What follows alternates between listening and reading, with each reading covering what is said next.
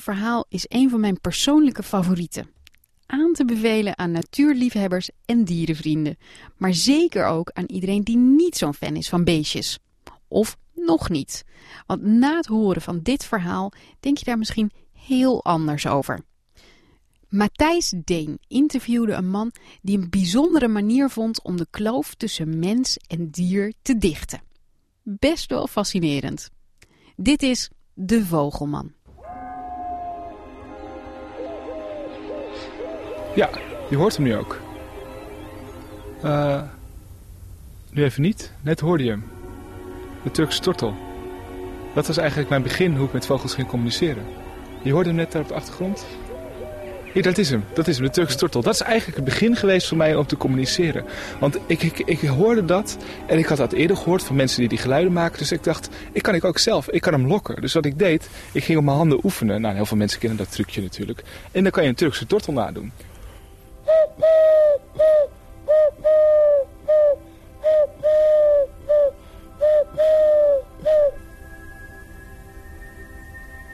Misschien iets verkeerde jaargetijden. Of iets. Oh nee, daar komt hij aan. Daar is hij. Kijk, daar zit hij. Daar op die boom.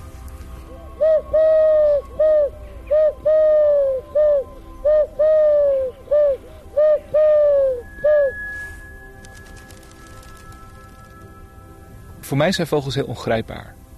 Vogels hebben niet echt een mimiek die je herkennen kan, zoals mensen of zelfs katten of zelfs honden of apen of, of veel andere dieren dat wel hebben een mimiek, hebben dat vogels voor mij niet. Gewoon puur om het feit dat er veren voor het gezicht zitten. Je kan niet echt ze aflezen wat ze voelen of wat ze denken. Maar vogels kunnen dat wel van elkaar. En ik denk dat het me dat fascineerde, die ongrijpbaarheid. Waardoor ik daarheen wilde breken door middel van communicatie. Dus dat is mijn beweegreden geweest, denk ik, om met vogels te willen communiceren. En dat is ook een van de redenen geweest waarom ik biologie ben gaan studeren aan de universiteit. Dus ik fantaseerde er vroeger al over toen ik klein was, ja. Van wauw, wat, hoe, wat zou het zijn als ik zo mooi als een merel kon, uh, kon zingen. Hier zat ook een merel in de boom, die zat heel veel te zingen. En ja, ik vond het zo'n prachtige zang. Hoe zou het zijn om als een merel te kunnen zingen? En ja, dat kon natuurlijk niet. Zo'n duif is makkelijk, maar zo'n merel lukte niet. Dus dat is wel altijd een verlangen van me geweest om met vogels te kunnen zingen. Hoor je. Vervolgens ga je zoeken. Dan zie je hem ergens tussen het bladerdek zetten, zitten of ergens boven op een huis of ergens uh, op de grond. Vervolgens wil je dichterbij komen en voor je het weet, tak, is hij weer weg. Nou, er is toch niks raadselachtigers of niks aantrekkelijkers dan iets wat je wel eerst horen kan, vervolgens na veel zoeken zien kan, vervolgens pakken wil, want ik wil de vogel zelfs pakken en aaien. En dan kom je dichterbij en dan is hij, is hij weg en dan zie je hem nooit meer terug.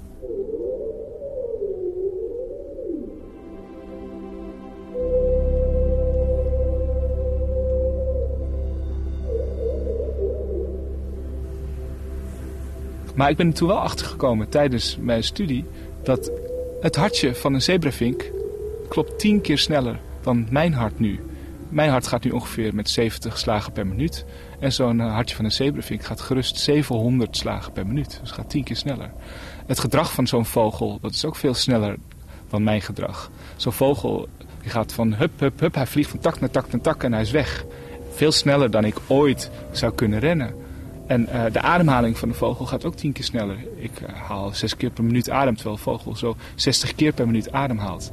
Dus de hele fysiologie van een vogel, die is tien keer sneller. Een vogel heeft maar zo'n 7, 8 jaar om te leven. Terwijl wij, of ik hopelijk, 70 of 80 jaar heb.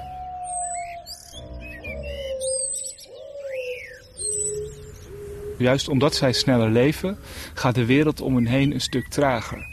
En dat is ook de reden waarom ik nooit toen ik klein was zo'n vogeltje pakken kon.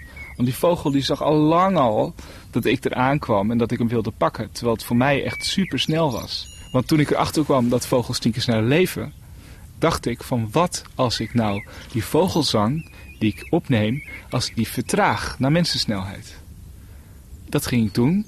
En toen kwam ik tot de ontdekking dat als je geluid vertraagt, dat het niet alleen langzamer wordt, maar dat het ook een stuk lager wordt. Ik kan even een vogel laten horen. Ik heb hier heel veel verschillende vogels die ik vertraagd heb.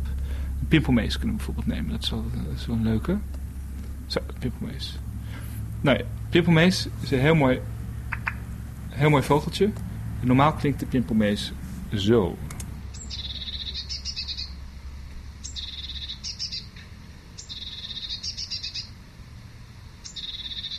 Zo, dat is de pimpelmees. Hele mooie uh, hoge zang, heel herkenbaar. Hij zit constant uh, ook altijd in de, in de stad.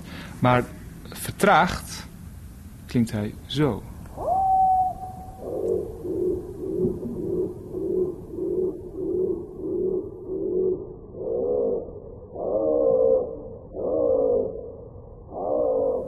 Ja, het is echt een grommende wolf. En dat vond ik zo super mooi toen ik dat ontdekte. Het pimpelmees, het mooie, blauwhoofdige, kleine, schattige vogeltje. Kleine broertje van de koolmees. Die daar altijd in de tuin zit en altijd op zoek is naar eten. En ja, daar gewoon altijd lekker zit te kwetteren bovenop een boom. Dat werd opeens, nou, toen ik het tien keer vertraagde, werd het een hond, een wolf. Die zijn territorium verdedigde en die alle andere vogels niet dulde om zich heen. Omdat al het eten en alle vrouwtjes in de omgeving van hem waren. Dat was wel echt voor mij een schokkende ervaring. wat ik denk is dat vogels het zo horen. Ik denk dat de, vogels om de pimpelmees heen de, de pimpelmees zo vertraagd horen. Zij horen de klanken uh, niet zoals wij de vogels horen, maar zij horen de klanken van de andere vogels dus ook tien keer vertraagd. Ik kan nog eentje laten horen. Om, om gewoon het verschil te horen tussen de karakters tussen de verschillende vogels. Dit is bijvoorbeeld een winterkoninkje. Dus een van mijn favorieten. Ontzettend complexe zang. Dat horen we als een winterkoninkje gewoon horen zingen. Gewoon als je op een tak zit. En ik kan eventjes weer het origineel laten horen.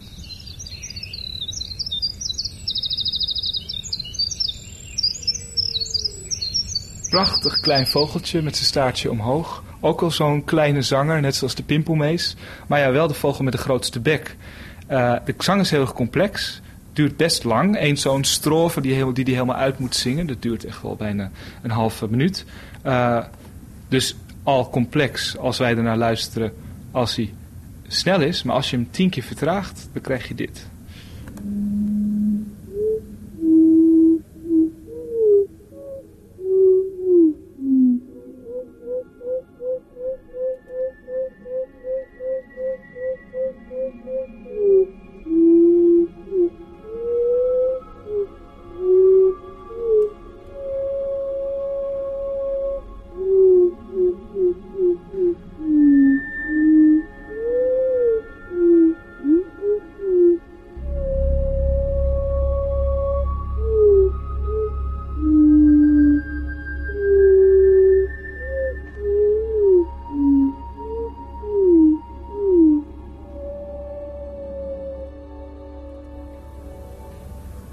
Dat Winterkoninkje. Het is een prachtige, complexe zang.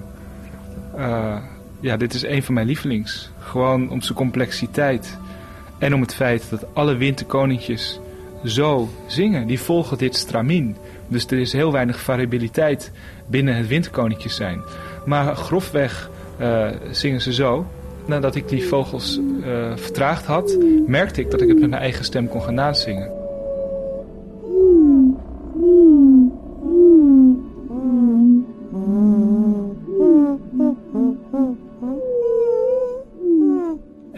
Vervolgens ben ik mijn eigen zang weer tien keer gaan versnellen.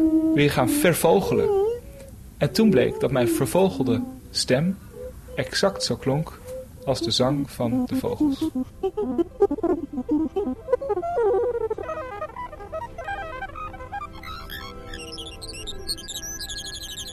Toen ik dat voor het eerst deed, ik had opnames gemaakt in een natuurgebied, die heb ik vertraagd. Ben ik zelf na gaan zingen. En dat heb ik opgenomen en vervolgens weer vervogeld en ben ik naar, terug naar het natuurgebied gegaan en heb ik die afgespeeld.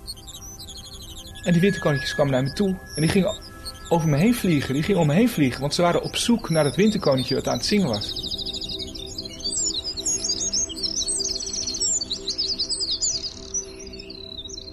Van het moment dat ik een vogel ging vertragen, dat ik daar ondersteboven was, wat een ongelooflijke rijke klanken zo'n vertraagde vogel eigenlijk heeft, tot uiteindelijk het eindproduct dat ik mijn eigen stem heb vervogeld.